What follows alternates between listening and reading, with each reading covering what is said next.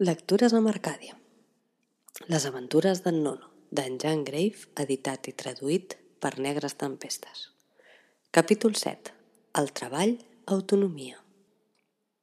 Era ja ben entrat el dia quan en Nono el va despertar un grup de companys que van envair la seva habitació. Uhu, uhu, el mandrós!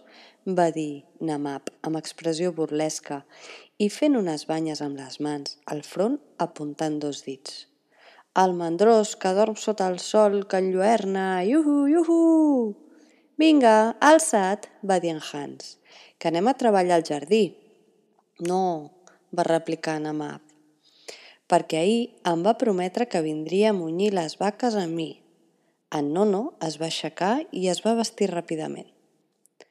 Els nens del grup van aixecar els llençols, van estovar el matalàs i el van, i van fer el llit, mentre que les nenes escombraven, treien la pols i ho deixaven tot en ordre, de manera que la vegetació va quedar endreçada en un obrir i tancar d'ulls. Acabada aquesta operació, els nens es van dirigir a una sala del pis de baix, disposada per al servei de banys, en la qual hi havia dues piscines grans, netes i formoses, una d'aigua a temperatura natural i una altra d'aigua tèbia per als fredolics. A més, al voltant de la sala hi havia aparells per tota classe de dutxes.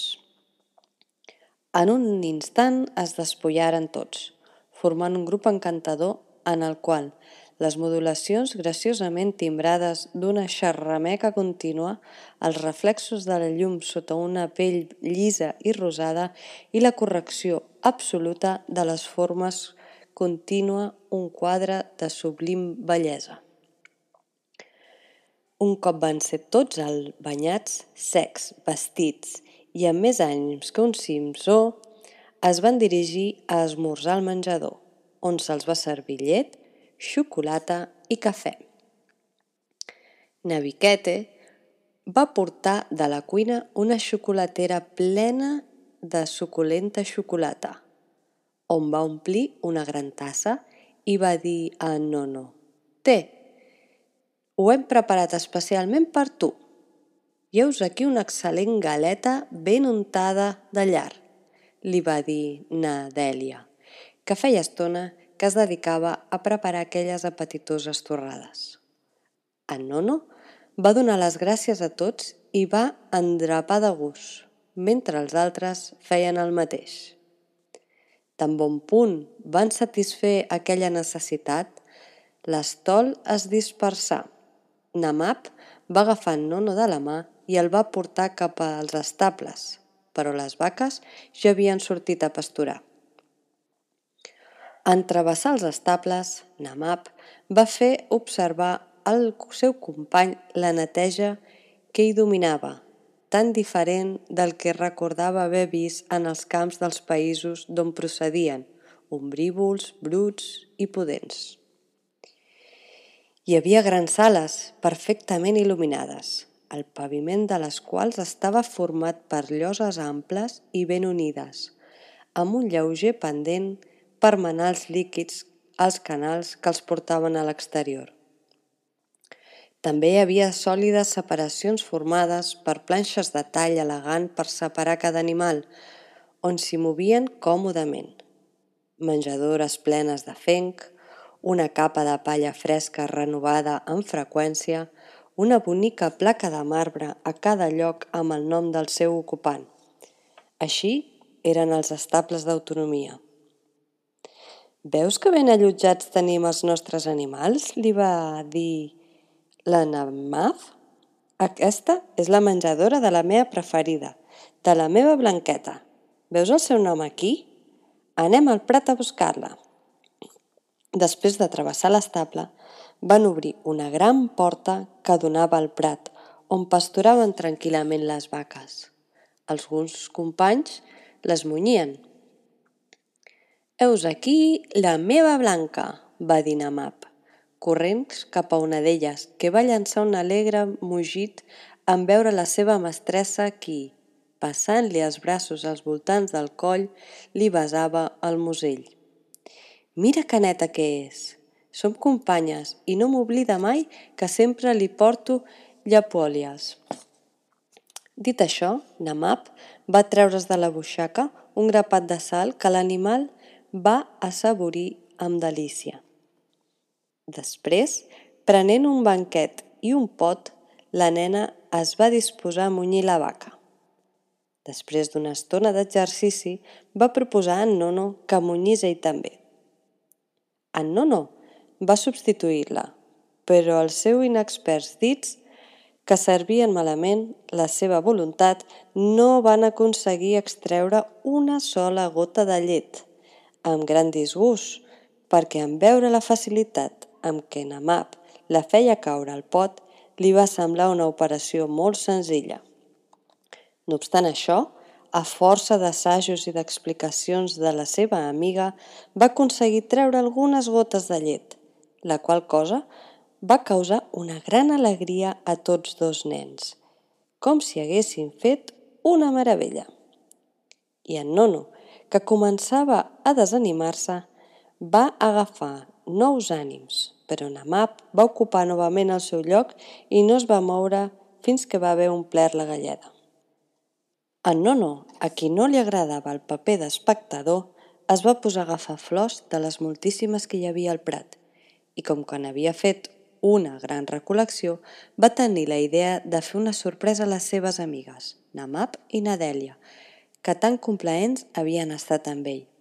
Es va instal·lar a l'ombra d'un vell noguer i amb les flors recollides va trenar unes formoses garlandes combinant els colors de la manera que li va semblar més harmònica. Acabada la segona garlanda i en començar una tercera, quan aixecà la vista va veure Namap que el contemplava. «Què fas?», li va preguntar. «Per qui són aquestes boniques garnaldes?» «N'hi ha una per tu», va respondre en Nono, arreglant-la sobre els seus cabells. «És per mi aquesta preciosa garnalda?» va exclamar Namaf, amb moltíssima alegria i corrents a mirar-se un riarol que corria a la vora del prat. Després va tornar dient, necessito petonejar-te, i va fer dos forts i sonors petons a les galtes d'en Nono.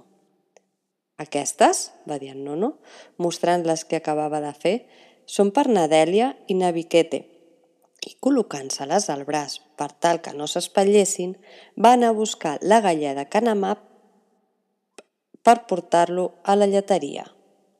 Després van anar a cercar les seves dues amiguetes. Van anar al jardí i van trobar en Hans. Amb alguns companys cavava en un lloc apartat per fer alguns experiments. Havien llegit en un tractat de jardineria que empaltant arbres de la mateixa espècie es podien obtenir fruits diferents en el mateix tronc i roses de diferents colors en un mateix roser i desitjosos d'assegurar-se'n volien fer plantacions de les espècies que els proposaven empaltar.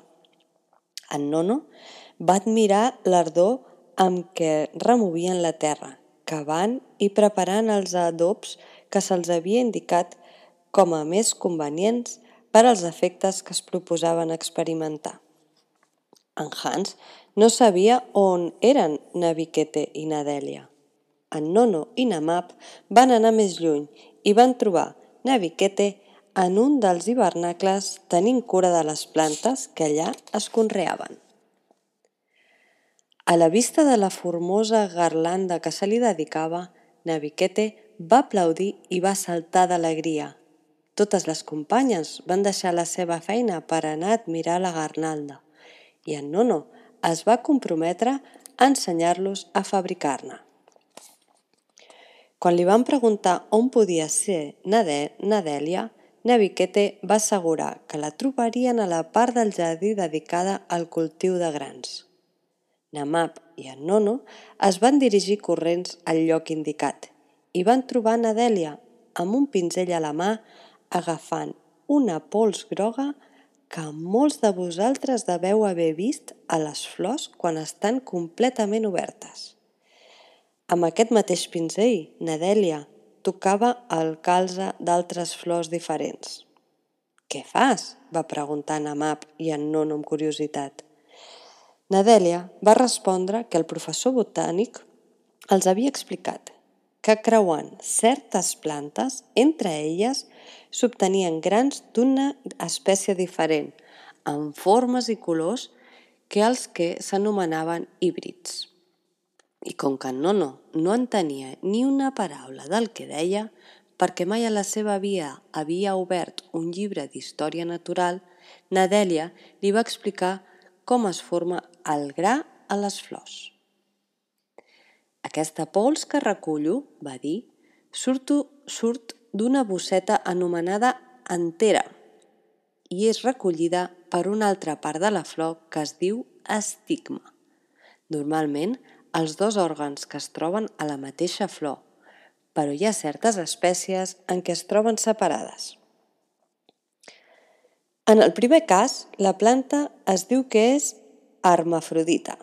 En el segon, els peus que tenen les antenes s'anomenen mascles i els que recullen la pols són femelles i són aquestes les que produeixen el gra. L'estigma condueix els grans de pols groga que ha recollit en un gland que s'anomena ovari i allà es fa gran mentre es creix també l'òrgan que és el que ha recollit. Així es formen la fruita, com ara les peres i les pomes. Les llavors de l'interior són el gra produït pels granets de pols groga. En estat lliure, els insectes que venen a buscar aliments a les flors presenten aquest servei, tot transportant aquest pols groc d'una flor a una altra. En aquell cas, Nadèlia, amb el seu pinzell, reemplaçava els insectes, només que en lloc de portar la pols groga anomenada polen a flors idèntiques, les portava a flors de gèneres diferents amb el propòsit de crear una nova varietat. Però mentre donava aquelles explicacions i mostrava a Nono en una flor que havia agafat els òrgans que enumerava, Nadèlia es fixava en la garlanda que portava en Amap i en la que en Nono portava encara el braç. En Nono, que l'observava i va endevinar el seu desig, es va afanyar a dir-li «La veus? És per tu!» i li va posar el cap. Nadèlia es va manifestar no menys agraïda i contenta que les seves amigues, Namap i Naviquete i les altres que van anar a admirar d'aquella manifestació de fraternitat i bon gust artístic, els hagué de prometre també que els ensenyaria a fer. Allò va ser un excitàs, com es diu en l'argot artístic. Durant vuit dies no es va pensar en una altra cosa autonomia que la confecció de garlandes, fins que es van esgotar els prats, es van saquejar una mica als jardins i no sé si n'haurien salvat de, els de l'hivernacle, si un nou joc no hagués vingut a operar una desviació de pensament, fent-los abandonar les garlandes. Amb tot això va arribar l'hora de dinar. Les taules es van servir també a l'exterior, sobre l'esplanada, perquè el temps era esplèndid i en Nono, que aquesta vegada tenia fam, va poder gaudir no només de les fruites que li agradaven, sinó també de moltes altres que no coneixia i que no havia vist en la seva vida.